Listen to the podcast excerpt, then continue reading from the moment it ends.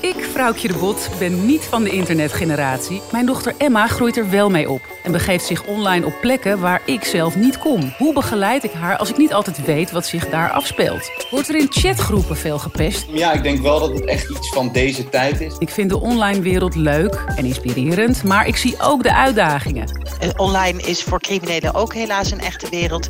Ik vraag experts hoe we haar wereld en het mijne dichter bij elkaar kunnen brengen. Dit gesprek bijvoorbeeld, als alle ouders dit hebben, dat zou al heel veel zijn. Hè? En hoe we zorgen dat het internet voor haar een leuke plek blijft. En ik niet bang hoef te zijn dat ik straks achter de feiten aanloop. Emma, sorry. Blijf je er even bij? Welkom bij Vrouwtje Online.